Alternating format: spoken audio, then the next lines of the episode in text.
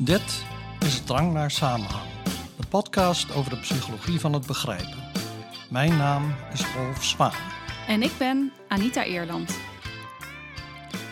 Ja, vandaag beginnen we met iets waar we normaal gesproken een aflevering juist mee eindigen.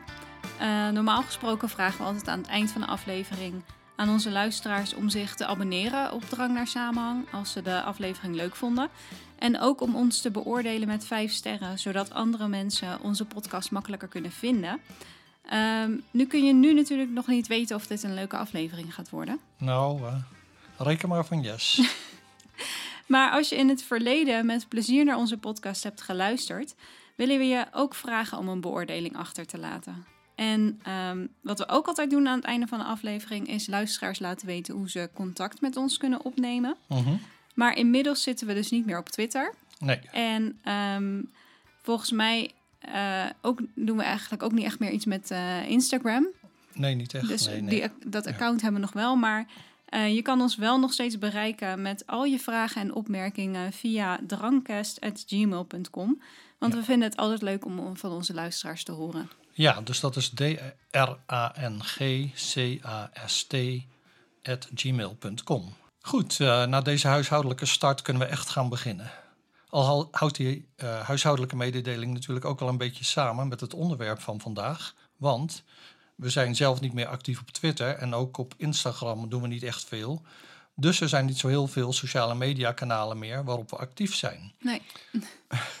Terwijl sinds de opkomst van sociale media is eigenlijk altijd het idee geweest dat deze vorm van communicatie er ook altijd wel zou eh, blijven. Maar ja, is dat eigenlijk wel zo zeker? Zit er ook niet een houdbaarheidsdatum aan sociale media of aan het gebruik ervan?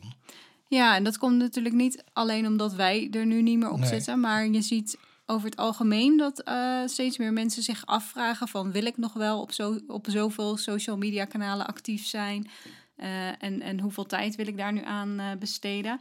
Dus we zien eigenlijk dat eh, Facebook bijvoorbeeld in verval is. Er zijn allerlei schandalen geweest Mhm. rondom eh, privacy. En eh, nou ja, op Twitter is het chaos, geloof ik. Of in ieder geval, daar is nu heel veel discussie over. Ja, nu Elon Musk eh, Twitter heeft overgenomen. Daar hebben we het een aantal afleveringen geleden al Ja. eh, uitgebreid over gehad. Dus behoorlijk wat mensen zijn eh, na die overname van Twitter afgegaan. Adverteerders hebben besloten om minder in Twitter te investeren. De vraag is dus, eindigt binnenkort het tijdperk van social media? Ja, en een artikel met die titel is laatst verschenen in het tijdschrift The Atlantic. Het is geen wetenschappelijk tijdschrift, maar het artikel noemt een aantal punten die wij wel interessant vonden om eh, te bespreken. En nou ja, dat artikel zegt dus eigenlijk, er zijn een aantal redenen waarom je kan veronderstellen dat het het einde is van sociale media. Ja, dat vind ik dus wel intrigerend. Ja, precies. Eh, omdat het nog niet zo lang bestaat. Dus dan denk je van, eh, oké, nu alweer het einde. Ja, het lijkt eigenlijk alleen maar juist steeds groter te worden. En natuurlijk Ja. zijn er die schandalen geweest waar we, eh, Mhm. die ik eerder heb genoemd. Maar ik had zelf niet echt het idee dat er echt een einde z- aan Nee. zit te komen aan eh, social media. Nee, nee, inderdaad. Nou ja, wat jij, wat jij net noemde, hè, die problemen met Facebook en Twitter, die zijn er natuurlijk wel. Ja, in dat artikel wordt gezegd van een van de redenen dat je kunt aannemen dat het tijdperk eh, ten einde is, of in ieder geval eh, hè, dat sociale media in, verval zijn, zeg maar, is de grootte van ons netwerk. Mhm. Eh, het netwerk dat je hebt in de sociale media, dat dat niet natuurlijk is. Ja. Het is wel zo dat door sociale media dat we verbonden zijn met veel meer mensen dan ooit. Hè, ons sociale netwerk is nog nooit zo groot geweest. Mhm. Maar is dat eigenlijk wel handig of wenselijk? ja. Ja, dat is een goede vraag. Ja, en, en, en in dat artikel in The Atlantic wordt dan werk aangehaald van de Britse antropo- antropoloog Robin Dunbar. Hij is ook een beetje psycholoog volgens mij. En die heeft ooit in een boek geschreven dat we met ongeveer 150 mensen een betekenisvolle relatie kunnen hebben. En dat eh, getal is een eigen leven gaan leiden. Eh, het getal van Dunbar wordt het ook genoemd. En het idee is van, wij hebben een cognitieve beperking voor het Mhm. aantal mensen waarmee wij een eh, stabiele sociale relatie kunnen onderhouden. Meer kan ons brein gewoon niet aan. Dat zijn relaties waarvan ieder individu weet wie elke persoon is en hoe elke persoon zich verhoudt tot elke andere persoon. Dus bijvoorbeeld, dat is de broer van mijn buurman of zoiets. Ja, Nou vind ik 150 wel behoorlijk veel, moet ik zeggen. Uh, je noemde uh, Mhm. dat we daar dan een eh, eh, sociale relatie mee onderhouden. Dat is natuurlijk de vraag Ja. van wa- wat verstaan we daar precies onder. Maar ik vind 150 mensen nog steeds best wel veel. Ja, dat vind ik ook. En, eh, maar het is goed om eigenlijk eerst stil te staan bij dat getal. Want waar is het nu op gebaseerd? Nou, het is eigenlijk gebaseerd op onderzoek naar mensapen. En Dunbar die vond dat er een samenhang is tussen de grootte van de neocortex, dus laten we zeggen het laatst ontwikkelde gedeelte van, van onze hersenen, en eh, de grootte van een groep. Dus Ja. met andere woorden was zijn gedachte van eh, een groep kan maar, of eh, een bepaald hersenvolume kan maar een groep van een bepaalde grootte aan. En dus dan vond hij bij de ene groep mensapen, laten we zeggen, dat het gemiddelde groepsgrootte zo, zo was. En dan bij een andere groep mensapen was die groep groter, maar die hadden ook grotere hersenen. Dus dan had hij zo'n grafiekje gemaakt met, laten we zeggen, op de x-as de, de grootte van, van de hersenen. En op de y-as de grootte van de groep. Ja, en En dan een toen- correlatie. Ja, eh, ja, en ja. dat hij een regressielijn. En dan krijg je dus allemaal punten en dan kun je een lijn doortrekken. Nou ja, het is eigenlijk een wolk waar je dan een lijn doortrekt. Mhm. En eh, nou, toen, toen zei hij dus, nou oké, het hersenvolume van eh, de mens is ongeveer dit, hè, van de neocortex. Ik weet niet meer precies wat het is, maar eh 1300 kubieke centimeter of zoiets. ja, je kunt Nou ja. mij alles eh wijsmaken wat dat betreft. Ik heb geen idee. Eh, zoiets. En eh, nou ja, dus dan trek je die lijn door en dan kom je dus op de y-as uit op 148. En dat werd dan afgerond tot 150. Dus Dus gegeven onze, de omvang van onze neocortex, kunnen we Kunnen zoveel we mensen aan. zeg maar. 148, golfweg 150 mensen in ons sociale netwerk hebben. En als we dan te veel hebben, dan eh, dat, dat kunnen we gewoon niet aan. Ja, precies. En dat eh, getal van Dunbar, dat wordt heel vaak aangehaald. En dat Mhm. komt bijvoorbeeld ook voor in het boek Tipping Point van Malcolm Gladwell, die wel meer onzin heeft verspreid. En eh, het heeft ook gevolgen gehad. Dus bijvoorbeeld de Zweedse Belastingdienst heeft de kantoren geherstructureerd, zodat het aantal mensen binnen de limiet van vij- 150 personen was. Maar dan je dus wel als impliciete aanname dat die mensen geen eh, vrienden en familie hebben. Niet meer nadat ze daar Nee. gaan werken, als je dan met al Ja. je collega's een eh, relatie moet eh, onderhouden. Ja, dan is er geen ruimte meer voor familie Nee. of vrienden. En ik heb dit trouwens uit een ander artikel van Zweedse onderzoekers. Dus het zijn niet mensen die zomaar wat uit hun duim hebben gezogen. En die mensen, nou, die hebben statistische analyses gedaan van dat getal van Dunbar. En ja, die zeggen ja, pff, eigenlijk is dat totaal niet precies. Je kunt uitkomen op een getal dat ergens tussen de 4 en de 400 ligt, ruwweg. Oeh, dat is Ja. wel eh, veel variatie. Ja, Dus precies. Ja, ik vind het wel, erg eh, onnauwkeurig. wel mooi wat je eh, zegt. Dus dat er zo'n wetenschappelijke bevinding is. Die, Mhm. die samenhangt tussen de omvang van de neocortex en dan het aantal Ja. mensen in je sociale netwerk. En dat op basis van die wetenschappelijke bevinding er dan veranderingen in de maatschappij plaatsvinden. Dus dat Ja. hè, de wetenschap Ja. echt wordt gebruikt Mhm. Ehm, ja, met het idee dat de, de maatschappij daar beter van wordt. En dan zie je meteen wat het belang is van goede wetenschappelijke bevindingen. En dat die echt Ja. eh, dat die solide, solide zijn, dat je daarop kan bouwen. En dat je niet zomaar ons in de wereld inslingert, want dat kan hele grote gevolgen hebben. Nou ja, wat je dus ook ziet is dat een getal noemen. Ja. eh, dat geeft een misleidende indruk van eh, precisie. Ja, dus eh, mensen denken nou, oh, 150 en niet, niet één meer of één minder. En eh, ja, datzelfde zag ik al met, ik heb hem al eerder genoemd, mijn collega destijds Anders Eriksson, die nou, die hele theorie had van eh 10.000 uur oefening om Ja. ergens een expert in te worden. En daar heeft Gladwell ook een boek over geschreven. Maar Erickson had tegen mij gezegd van ja, die 10.000, dat noem ik, want dat is retorisch handig. Ja, Maar niet van eh, het is precies 10.000. Ja, dat zie je dus heel vaak. En dat is dus ook met die 150. Dus eh, ja, laten we niet al te veel gewicht hechten aan dat precieze getal. Maar je kan nog steeds wel in algemene zin zeggen dat je op sociale media vaak in contact staat met veel grotere aantallen mensen dan vroeger het geval zou zijn. Ja want je maakt, je maakt ook weer contact met mensen die eigenlijk al niet meer tot jouw sociale kring behoorden. Maar als je Mm. ze dan tegenkomt op social media, dat je denkt, oh ja, die ga ik eh, een uitnodiging sturen om, of de, daar, ja, om eh, vriend te worden of zo. Of eh, die wil ik volgen, bijvoorbeeld. Mhm. Maar dat zijn mensen die je in het dagelijks leven waarschijnlijk niet meer zou volgen of waar je geen contact meer hebt. Dus Nee. daaraan Ja. zie je ook dat je op social media veel makkelijker een groter netwerk hebt dan in het dagelijks leven. Ja, dat klopt inderdaad. En eh, nou ja, dan, dan is de vraag ook eigenlijk van wat is dan een betekenisvolle relatie? Hè? Want Dunbar zegt in zijn onderzoek 150 betekenisvolle relaties. En dan heeft hij het over dat je weet wie wie is en Mhm. welke verhouding die tot anderen staat. Maar om dat een beetje een soort informeel tintje te geven, heeft hij gezegd van... Nou, stel je voor dat je in een bar bent en eh, je loopt iemand tegen het lijf die je wel een beetje kent. Zou je daar dan eh, iets mee gaan drinken? Eh, en eh, hij schat dat dat aantal dan zo ongeveer 150 mensen zou zijn. Nou, denk ik van, ja, pff, is dat zo? Misschien is dat zo. Eh, ik weet het niet zeker, maar Ik vind dat nog steeds best veel. ja.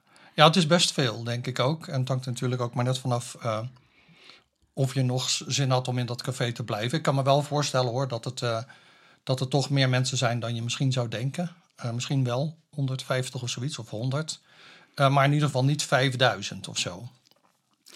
Nou, ik zit te denken, als dat de definitie is van een betekenisvolle relatie, dan denk Ja. ik niet dat ik tot 150 eh, mensen kom. Maar goed. Nee, eh, nee, dat is waar. Dus weet ik betekenisvol, niet, ja. dat, dat vind ik ook, dat is dan best wel een zwaar woord. eh, Mhm. vergeleken met het voorbeeld dat, dat hij hier geeft.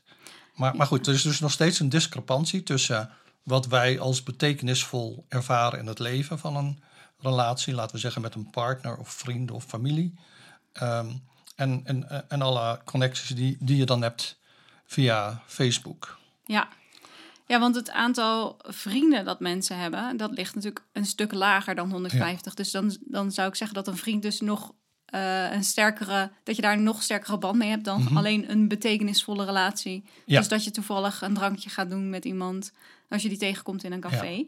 Eh, want de meeste mensen hebben ongeveer zo'n 5 tot 15 echte goede vrienden. En dat is Ja. natuurlijk ook weer een schatting. Dat, is ook weer, dat zijn ook weer getallen die ergens genoemd worden. Maar Mhm. eh, in ieder geval is wel duidelijk dat dat een stuk lager ligt dan die eh, 150. Ehm, en er wordt niet echt een definitie gegeven van eh, wat dan een echte vriend is. Nee. Maar zelf denk ik altijd, ja, dat zijn mensen die eh, als je aanbelt midden in de nacht, als je daar op de stoep staat, die, eh, die open doen en je opvangen. Hè? Mensen bij wie je echt altijd eh, terecht kan. En ehm, nou ja, buiten de sociale me- media om is ons sociale netwerk dus een stuk kleiner dan die 150 vrienden of mensen met wie we een betekenisvolle relatie hebben. En die we tot ons netwerk op eh, social media rekenen. Nou, we kunnen, we kunnen wel die 150 eh, contacten onderhouden, betekenisvolle relaties. Maar eh, in dat artikel wordt gezegd dat we, dat we dat eigenlijk niet kunnen doen zonder in te leveren op de kwaliteit van Ja. die relaties. Of ja, zoals zij het zeggen, de, de echtheid of de oprechtheid van een relatie. Ja, precies. Want we kunnen die sterke banden alleen ontwikkelen als de echtheid en de betrouwbaarheid van die relatie steeds bevestigd wordt. Mhm. En met elke bevestiging wordt dan die relatie sterker. en dan ga je dus meer waarde hechten aan wat die goede vriend of uh, op wat dat familielid zegt, dan een willekeurige persoon op het internet. Of iemand die je toevallig tegenkomt in de winkel bijvoorbeeld. En dat je ook meer bekend bent met wat ze zeggen. En we hebben het al eerder gehad uh, over in-group meningen. Ik weet niet meer in welke aflevering, maar daar hebben we het wel over gehad. Ja, dat je omgaat met mensen die er dezelfde ideeën over nahouden en zo. Dat is Oh ja. natuurlijk iets wat zich ontwikkelt over de tijd heen. Uh, dus je past je ook uh, steeds een klein beetje aan.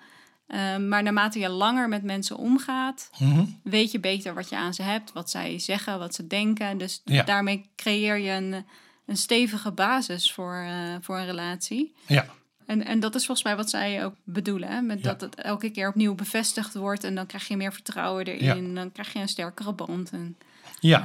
En dan zou je kunnen zeggen, oké, dat is het enige wat we nodig hebben. Maar dat is ook weer niet zo. Want dan zou je eigenlijk gewoon een soort ja, wereldvreemde figuur zijn. Dat, die leeft in een dorpje van, met een uh, paar honderd mensen of zo. ja, met zijn eigen, Ja. die allemaal dezelfde ideeën hebben en zo. Dan krijg je heel erg zo'n eh, eh, Ja. soort ehm, afgesloten groep of zo. Met mensen Ja. die precies hetzelfde overal over denken. Dat is natuurlijk ook niet eh, wat je eh, wil. En de Nederlandse literatuur staat vol met eh, voorbeelden van die kleine gemeenschappen op het platteland. eh, hè, met een Mhm. eh, religieuze inslag. Dus dat is ook weer niet de bedoeling. Dus je hebt ook zwakke banden nodig. En die zwakke banden, die zorgen ervoor dat je in aanraking komt met nieuwe ideeën. Mhm. En nou ja, eigenlijk sluit het aan bij die aflevering die we gemaakt hadden aan het begin van, ah, ja, het begin van de zomer. Of nee, niet aan het begin van de zomer, ergens in september. Over praten met vreemden. Hè, dus als je met vreemden praat, dan kun je nieuwe dingen leren. Ja. En dan kan het zo zijn dat die vreemde uiteindelijk natuurlijk een, eh, een goede bekende wordt. Eh, maar dat hoeft niet. Eh, het zou wel kunnen, maar dan heb je dus al die dingen nodig waar jij het eerder over had, hè, die, die bevestiging en zo. Maar wat dit artikel dus niet wil zeggen, is van zwakke banden zijn niet noodzakelijk. Nee, die zijn wel nodig, want anders kom je nooit in aanraking met nieuwe ideeën. En het, het kan inderdaad zo een relatie met iemand, of zo'n zo, zo'n zwakke relatie, kan uiteindelijk wel een sterke relatie worden, maar alleen maar, dat is volgens mij wat ze zeggen, als je dan die afwijkende ideeën, Ja. want dat maakt dat het een zwakke Ja. relatie is, dat je die op een of andere manier kan eh, integreren in je eigen denkwereld.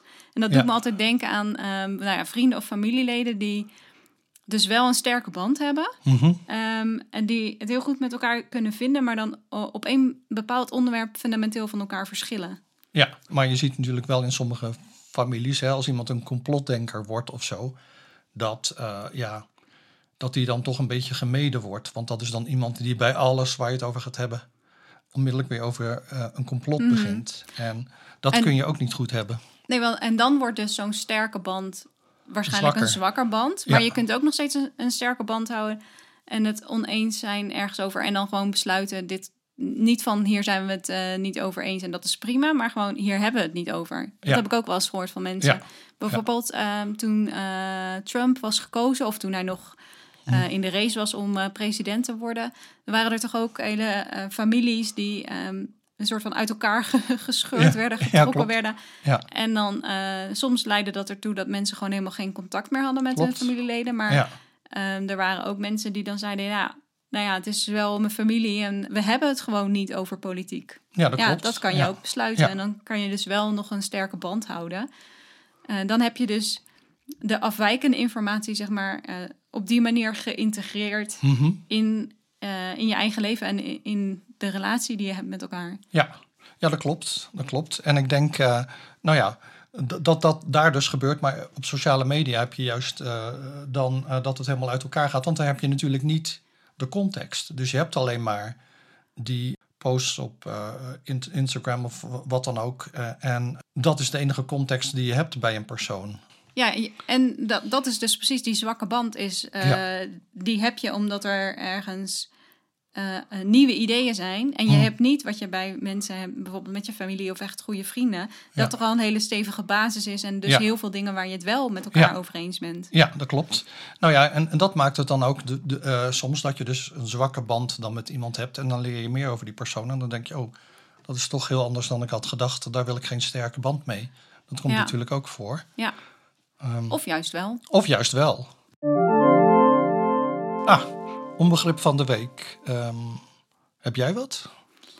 Ehm, nou, ehm, pff, ik weet eigenlijk niet. Maar ik vond het wel een beetje vreemd. We waren van de week op de kerstmarkt in Klagenvoort. Ja. En nu moet ik ineens denken aan eh, dat, dat daar iemand rondliep in een, eh, een soort zwart geitenpak of zo. En dat vond ik wel een beetje vreemd. Veel Italianen. En een soort aangeklede geit. Wat is het? Ja. ja, dat zag er wel wat vreemd uit. Eh, ik weet eigenlijk ook niet eh, wat die geit daar deed. Nee, het leek erop alsof dat gewoon iemand was in een geitenpak die daar rondliep om eh, kerstinkopen te doen. Mhm. Er was niet iemand die eh, eh, iets stond uit te delen of promotiewerk deed. Of, eh, je kon er volgens mij ook niet mee op de foto of zo. Nou, dat vond ik wel jammer, want ik, ik, bedoel, ik wilde heel graag op de foto met een zwarte geit. Maar, eh, Ik denk als je dat heel lief had gevraagd, dat Misschien dat, dat best wel had gemogen. maar ja, misschien was het gewoon iemand die het koud had en was dat geitenpak het warmste wat, wat hij had. Ik, ik heb geen idee. Nou, het was wel koud inderdaad. Ja, ik, ik weet het dus ook niet. Ik Mhm. vond het heel raar, ik kan het niet plaatsen in de context van kerst. Nee. Ehm, maar misschien is het leuk als ik eh, dat probeer uit te zoeken voor de aflevering van volgende week. Dus Ja. wat een zwarte geit met kerst te maken zou kunnen hebben. Ja, het was toch niet eh, dat hij in de stal stond hè, bij eh, de baby Jezus? Nee, volgens mij niet. Nee. Ehm, Nee. Dus daar had je die ezel toch, maar niet een, ook nog een zwarte geit. Dus, Een ezel en schapen. oh ja, schapen, ja. Ja, een zwarte geit komt niet zo bekend voor. Maar ja, misschien is het wel iets commercieels, weten wij veel. Ehm, maar goed, volgende week, ja, dat wordt aflevering 50 alweer. En daarin gaan we het trouwens hebben over eh, het begrijpen van de feestdagen. Ja, dus daar past dit denk ik wel goed in. Ik ga kijken of ik eh, daar iets over kan vinden. Oké, dus we hebben het gehad over sterke en zwakke banden die we met andere mensen hebben, zowel op social media als daarbuiten. En we hebben het al gehad over dat na verloop van tijd dus een zwakke band ook een sterke band kan worden. En Mhm. ehm, ja, dat dat gebeurt als er een vorm van integratie heeft plaatsgevonden. Eh, en dat je je nadat je je een beetje aan elkaar hebt aangepast. Dan kan een zwakke band een sterke band Ja. worden. Ehm, en je ziet eigenlijk vrijwel geen sterke banden tussen mensen uit verschillende sociale groepen. Mhm. Juist omdat dus het, het aanpassen aan elkaar, dat dat nodig is om zo'n sterke band eh, te krijgen. Ehm, dus als je een verbinding aan wil gaan met mensen uit een andere sociale groep, dan heb je daar in eerste instantie dus zo'n zwakke band voor nodig. Dat je weet, Mhm. het is iemand uit een andere sociale groep, die heeft andere ideeën over, eh, nou ja, waarschijnlijk heel veel dingen. Ja, Ehm, dan ga je eerst zo'n zwakke band aan en dan kan, ja, kan dat dus later eh, leiden tot een, een sterkere band met iemand uit een andere sociale groep. zou dat een goede binnenkomer zijn? Ehm, zou ik een zwakke band met u mogen aangaan? Dus wel, denk ik, een hele originele versier eh, of openingszin of zo. dat je naar Ja. iemand toe gaat aan een bar en dan zeg eh, ja. ik ben op zoek naar een zwakke band. Misschien is het zo goed als je fietsen verkoopt of zo. nee, nee, dat zou ik niet doen. Ehm, maar goed, het is allemaal leuk, eh, sterke en zwakke banden, integratie van ideeën en zo. Maar hoe heeft dit nou met sociale media te maken of met het einde hiervan? Want daar Mhm. Ja, ging begonnen we natuurlijk mee. Ehm, en in dat artikel zeggen ze ja, op sociale media, waar we dus die 150 eh, eh, contacten kunnen hebben, hebben we veel. Nee, nee, veel meer nog dan 150. Oh ja, Ja, ja. Ik vond Ja. 150 al, al veel voor het dagelijks leven, dus daarom had ik Oh, dat nee, gekoppeld nee, aan eh, social media. Nee. Maar op social media hebben we heel veel zwakke relaties met Mhm. anderen.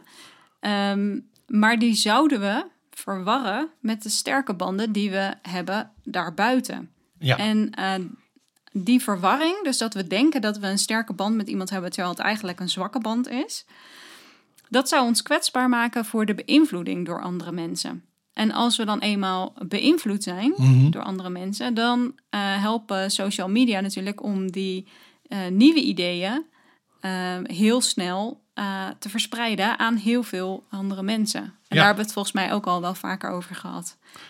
ja precies. En, en in dat artikel wordt dan een interessant gedachte-experiment eh, genoemd. Eh, wat zou nou gebeuren als iedereen maximaal één bericht per dag mocht plaatsen? Of dat je bericht na een bepaalde tijd vanzelf verdwijnt, zoals bij Snapchat. Of dat je maar een beperkte groep mensen kunt bereiken. Een limiet op het aantal volgers bijvoorbeeld. Of als je bericht alleen maar zichtbaar is binnen een bepaalde geografische straal. Dus bijvoorbeeld 100 kilometer rondom je woonplaats. Zou, de, zou dat dan de, de, de veranderingen, zouden zulke veranderingen dan de, de macht van de sociale media inperken? Nou ja, het gaat Ja. wel de verspreiding of de snelheid en de grootte van verspreiding van bepaalde ideeën tegen. Ja, Ehm, dus in ja. die zin zou het helpen. Maar ja, wat, wat mensen dan ook weer zeggen is. eh, eh, ja, of mensen voelen nu eigenlijk dat ze het recht hebben om de hele wereld te, te bereiken. Hè. Ze hebben een megafoon, eh, Ja. Instagram of wat dan ook. En ze kunnen iedereen bereiken wie ze maar willen. Dus als je dan gaat zeggen: nee, we gaan dat inperken. Ja, Dan gaan mensen onmiddellijk censuur schreeuwen. Maar ja, de vraag is, waarom heb je eigenlijk het recht om zoveel mensen te bereiken? Ben je dan zo interessant of, of wat dan ook? Eh, ehm, is dat eigenlijk wel een recht? Ja dat is een, eh, een beetje een filosofische Ja, discussie, denk precies. ik. Ja, ja. Maar, maar dus ehm, het online leven, dat draait eigenlijk om het maximaliseren van het aantal verbindingen. Mhm. Zonder de eh, veel aandacht voor hoe goed die verbindingen nu eigenlijk zijn. Die banden met mensen.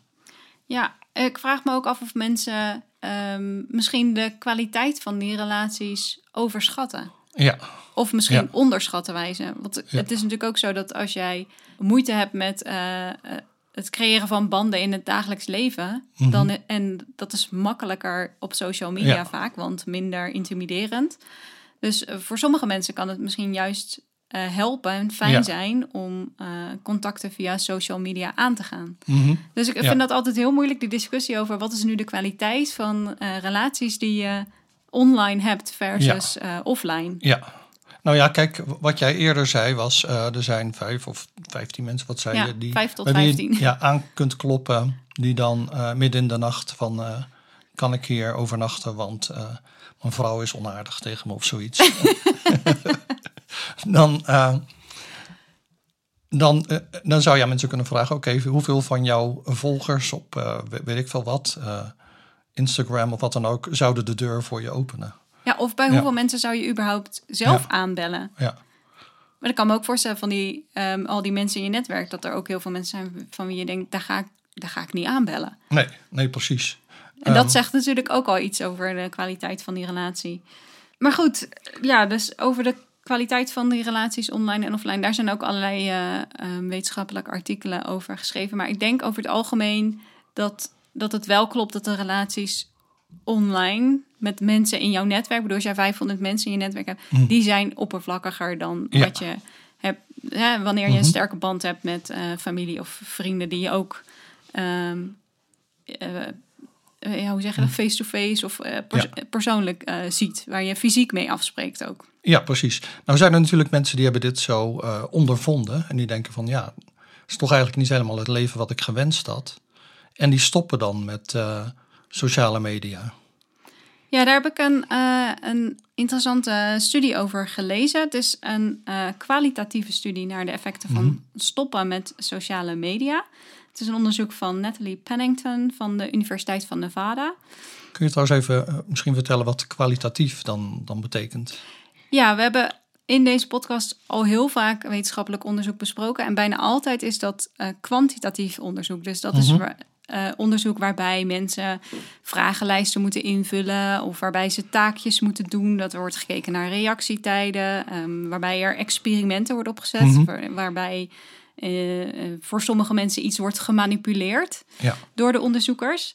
Ehm, bij kwalitatief onderzoek ehm, manipuleer je eigenlijk niets en ben je vooral benieuwd naar de betekenis die mensen ergens aan geven. Dus Ja. in dit geval gaat het om ja, welke betekenis geven mensen aan eh, het, het stoppen met social media. Mhm. En dat gebruik je dan, dus dat kan je met interviews doen, gewoon door gesprekken aan te gaan met mensen. Krijg je een hele bak aan informatie. En dan probeer je daaruit te kijken, nou, wat noemen mensen nu zo Mhm. al? En, en ja, dat, dat is dus eh, wat in deze kwalitatieve studie eh, gedaan is. Mhm. Ehm, en er zijn verschillende redenen waarom mensen willen mogelijk willen stoppen met social media. Veel mensen geven aan dat ze het vermoeiend vinden om Ja. de hele tijd op social media actief te zijn. Dat er sprake is van een soort overload. Dus dat ze eh, dat het op social media actief zijn eigenlijk alles een beetje eh, overneemt. Dat wordt ook wel, vond ik wel een leuk woord, technostress genoemd. technostress. Ehm, maar mensen stoppen ook als ze denken dat ze er verslaafd aan zijn. En als ze Mhm. willen afkicken of dat ze denken, ja, ik, ik besteed hier nu zoveel tijd aan, ik moet echt eh, minderen. Dan kan je er misschien maar beter helemaal van afgaan. Ehm, en ook om sociale vergelijkingen ehm, te vermijden. Want dat is toch wat mensen heel vaak doen. Hè? Ja, Hun eigen ja. leven vergelijken met het leven van mensen op social media. Ehm, dus als je dat niet meer wil, kun je ook beter stoppen. Eh, en ook mensen stoppen ook als ze eh, meer controle willen krijgen over hun eigen leven. Eh, Of meer mindful willen gaan leven. Dus meer in het hier en nu in plaats van in de online wereld. Ja, en ehm, vooral dat controle vind, vind ik dan zelf een belangrijk punt. Want wat er eh, ja, gebeurt als mensen sociale media gebruiken, is eh, dat ze niet meer zelf op, op zoek gaan naar informatie. Ze worden er ermee gebombardeerd Ja, en laten zich dan meevoeren op een stroom van eh, door anderen gegenereerde of geveinsde emoties. Hmm. Ik had die realisering, ik denk, ehm, toen Trump voor het eerst, nou, de, we hadden de verkiezingen tussen Trump en Clinton. Mhm. Ehm, ja, waarvoor jij de hele nacht was opgebleven, weet ja, om, omdat, ja, ik vind het altijd leuk om die, eh, nou, vroeger kon ik ze gewoon eh, in de VS. Overdag eh, zien, ja, Maar ik vond dat leuk om te, nou ja, interessant om te zien. Mhm. Maar goed, voorafgaand daaraan hadden veel Amerikaanse collega's die hadden gepost van nee, als Trump gekozen wordt, verhuis ik naar Mexico. Ja, dat en weet toen ik ook dacht nog wel. Ik, ja, toen dacht ik al, dat gaan ze geen van allen doen. En ik heb dat bijgehouden en niemand van die lui is naar Mexico verhuisd. En dan denk ik van, ja, zijn ze gewoon wat aan het eh, e- emotioneel aan het doen? Eh, wat heb ik daar eigenlijk aan? Ik bedoel, het is geen nuttige informatie voor mij. Ik vind het ook vervelend dat Trump gekozen is, maar die emoties van die, emoties van die mensen die op zich ook daar helemaal niet zoveel last van hadden dat Trump gekozen werd. ehm, die, eh, ja, ik dacht, wat, wat, moet ik daar, wat moet ik daarmee? Het heeft geen betrekking op mijn eigen leven. Mhm. En als je, ja, dat was voor het eerst dat ik daarover nadacht. En toen zag ik dat met veel andere dingen. Toen dacht ik, ja, wat zou er nu met mijn leven gebeuren als ik dit niet had geweten of niet had gehoord? Nou ja, niets eigenlijk. En toen dacht ik, ja, dan is het beter om dat los te laten. Zodat je geen speelbal wordt van al die eh, nou ja, non-informatie eigenlijk die op je afkomt. En dat je dus zelf actief gaat zoeken naar dingen die wel je leven verdiepen. Ja, en Zoals die deze nuttig, podcast. die je nuttig vindt. Ja. eh, ja, ja. dat, dat is denk ik een reden, eh, of, ja, een reden voor veel mensen om eh, te stoppen met social Ja. media. Er wordt ook steeds meer bekend over hoe die algoritmen werken. Ja. En eh, dat je dan in zo'n informatiefuik terecht kunt komen. Ze willen alleen maar meer en meer en meer emoties, zodat, zodat er weer meer aandacht is en zodat zij meer informatie over jou krijgen. Daar komt het op neer. En ja, dat in ieder geval is als je daarmee stopt, dan geeft dat meer de ruimte om de dingen te doen die je vroeger deed. Dat je gewoon op zoek ging naar een boek dat jou interessant leek. Ging je naar de bibliotheek of wat dan ook. Mhm. Eh, niet dat ik nu naar de bibliotheek ga, dat hoeft ook niet meer echt. Maar meer Nou, dat dat je zelf best wel weer eens leuk. Het is al zo lang ik geleden. vond het wel, ja, ik- als kind vond ik dat eigenlijk altijd hartstikke leuk. Dat is waar. Ehm, ik ben er heel veel geweest ook. Gewoon kijken wat Ja. er allemaal is, wat, Ja. je, wat je mee kan nemen. En dat je je dan al helemaal verheugt op een boek wat je hebt geleend om dat te gaan lezen. Ja, en hadden mijn vrienden hadden weer andere boeken en dan wisselden eh, we die ook uit. En eh, ja, dat was altijd heel leuk. Eh, die, die twintig mensen die geïnterviewd werden voor die eh, nee, kwalitatieve studie. Dat waren mensen die ehm, ja, in ieder geval een aantal jaar eh, actief waren geweest op social media. Dan, dan, eh, dat was dan of Facebook of Twitter of Instagram, als ik me goed Mhm. herinner. En ze moesten eh, ten tijde van het interview minstens zes weken helemaal gestopt zijn met social media. Dus met Mhm. alles. En wat bleek uit die interviews? Ehm, dat mensen merkten dat ze zonder social media veel contacten met wie ze een eh, zwakke band hadden, zeg maar, dat ze Mhm. die kwijtraakten. Dus oud-klasgenoten die Mhm. je dan toevallig volgt, want die kwam je tegen terwijl je op Ja. Facebook aan het zoeken was of zo. Of die werden jou aangeraden als Ja. mogelijke eh, vriend. Ehm, ja, heel veel van die contacten die dus eigenlijk alleen maar op social media bestonden, Ja. die raakten ze kwijt. Mhm. Ehm, maar de verbinding met andere mensen, dus met wie ze ook contact hadden buiten de social media om, die, die band werd sterker. En het lijkt er dus op dat uit deze studie blijkt dat, dat die mensen die gestopt zijn met social media, dat die benadrukken wat we al eerder hebben besproken. Eh, dat je zonder social media minder contacten hebt, maar wel Ja. eh, betere of Ja. diepere eh, contacten. En die mensen die gestopt waren met social media, die merkten ook allerlei positieve effecten op hun mentale gezondheid. Mhm. dus de mensen die dachten, ik zit hier wel heel veel tijd op social media. Ehm, misschien hadden die zelfs een verslaving, dat weet ik niet. Maar die, eh, nou ja, die hadden dat dus niet meer. Dus dat is fijn. Mhm. Want dan heb je die, die, ja, die drang niet zo. En ook eh, ehm, voelden ze zich mentaal beter, omdat ze zichzelf en hun eigen leven niet meer constant vergelijken met Mhm. wat ze op social media zagen. Ja. Want al die influencers hebben natuurlijk eh, het perfecte leven. Ehm, dat willen ze in ieder geval Mhm. iedereen doen geloven.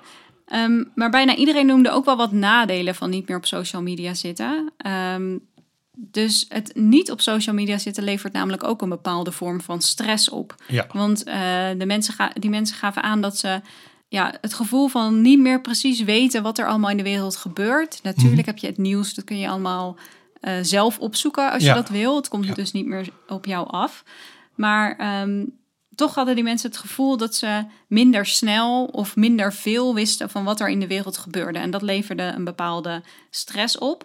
Eh, maar ook bijvoorbeeld frustratie als je niet mee kunt praten met andere mensen over iets wat op social media is gebeurd. Dus Mhm. een bepaald filmpje dat viral is gegaan, waar iedereen het over heeft. Ja, daar Mhm. kun je dan niet over Nee. meepraten.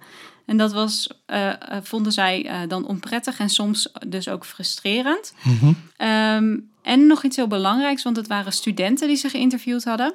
Die waren toch wel bang dat het niet hebben van social media nadelig zou zijn voor hun carrière. Hmm. Dus als, een, als er een vacature is of zo, dat ze dat dan misschien later pas zouden weten, daar later van zouden horen dan als ze wel op social media hadden gezeten. Mhm. Eh, of dat ze niet het juiste netwerk zouden hebben om eh, een goede baan te krijgen. En eh, nou ja, ook omdat ze dachten dat werkgevers het misschien raar vinden als je zegt dat je geen social media hebt. Ja, het is. ehm, nou ja, we- kijk, dat kan ik me wel voorstellen. Maar ik kan me ook voorstellen dat als je allerlei dingen post op social media. Ja. Dat dat jou ook ongeschikt kan, in de ogen van een potentiële werkgever, ongeschikt kan maken voor een functie. Als Dus- jij je profileert als een feestbeest of zo. Ja, zoiets. Ja. Dat gaat heel erg eh, tegen je werken, denk ik. Nou ja, ik moest ook denken aan een interview dat we. Nou ja, de WK voetbal is nog bezig als we dit Oh, opnemen. don't Eh, mention de WK. Nederland, Nederland ligt er wel uit. En eh, als Messi hier s'nachts aanbelde, zou ik hem mooi buiten laten staan in de sneeuw, moet ik zeggen. Maar, eh, maar we zagen een interview met. Die scheidsrechter trouwens ook. ja, die scheidsrechter helemaal. Maar nee, we zagen, een, we zagen laatst een interview met, eh, dus tijdens de WK, met eh, de voetballer Bruno Martins Indy. Hij speelde geloof ik vroeger voor Feyenoord en nu voor Mhm. Ja. AZ. Ik vond het een hele sympathieke kerel. En die, hij zei van, ik zit eh, niet op sociale media als een van de weinige voetballers. En hij vond het wel rustig zo. Hij kwam ook zeer ontspannen over. Dus ik dacht, als je een voorbeeld wil hebben van hoe het kan zijn als je geen sociale media hebt, kijk dan dat stukje van het interview terug. Ehm, Ja, het is ook best wel lekker rustig zonder social Mhm. media. Dus ik kan me voorstellen dat eh Martens Indy er, eh, daar lekker ontspannen van raakt. ja. Maar er is best wel veel druk van buitenaf om toch wel actief te zijn op social media. Ik Ja. ehm, moest laatst, eh, nou ja, moest niet. Ik was gevraagd om deel te nemen aan een paneldiscussie voor een online event in Canada. Mhm. En eh, toen wilden ze daar mijn nummer voor hebben, want dan konden ze een WhatsApp-groep maken om eh, nou ja, over dingen eh, rondom dat, die discussie dan te communiceren. En ehm, nou, dat is op zich natuurlijk niet erg, maar er wordt wel van uitgegaan dat je dat allemaal hebt. En Ja. ik ben benaderd om dan die paneldiscussie via Twitter te verspreiden. Maar ja, toen was ik er net vanaf, dus Ja. dat kon ik niet meer doen. Maar dus iedereen gaat er wel van uit dat je, eh, dat je op Twitter zit en op Instagram. En dat je al die kanalen de hele tijd wil gebruiken. En eerlijk gezegd word ik al moe bij het idee. Ja. ja, dat kan ik me heel goed voorstellen. Hé, maar om nou even terug te komen naar, op het eh, thema van vandaag. En dat artikel in The Atlantic. Eh, nou ja, dat, ze- dat zegt dus van... Er zijn bepaalde redenen om aan te nemen dat we het einde van... dat, of in ieder geval dat het tijdperk van de sociale media... het einde daarvan is aangebroken. Ik moet ineens denken aan... eh, um, Lord of the Rings, waar, waarin dan orks tegen elkaar zeggen: het tijdperk van de mensen en de elfen is afgelopen, tijdperk van de orks is aangebroken. En dan kri- krijgt geloof ik die ork een steen op zijn hoofd of zo. Ik zit jou volgens mij nu echt heel wazig aan Ja, te kijken. klopt, ja. Want ik, ik dacht echt, waar gaat dit heen? Ja, dat klopt. En ik zei net van even terug naar waar we zijn begonnen. En dan, eh, Leid je jezelf weer af? ja, precies. Ehm, Nou, nu even terug dan. nu echt terug. Ja. Oké, dus ehm, nou ja, waar wij het over hebben gehad is dat eh, het einde van dat tijdperk dan met name te, te maken zou eh, hebben met de kwaliteit en de kwantiteit van eh, de relaties die we opbouwen.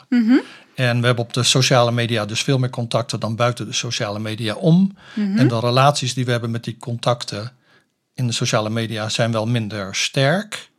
Maar het maakt wel dat we in aanraking komen met nieuwe ideeën. Ja. Dat is dus aan de ene kant positief, maar aan de andere kant maakt, maakt het ons ook weer kwetsbaar voor negatieve invloeden. En daarnaast zijn we al afhankelijk van grote bedrijven die ons in staat stellen om zo'n groot netwerk op te bouwen.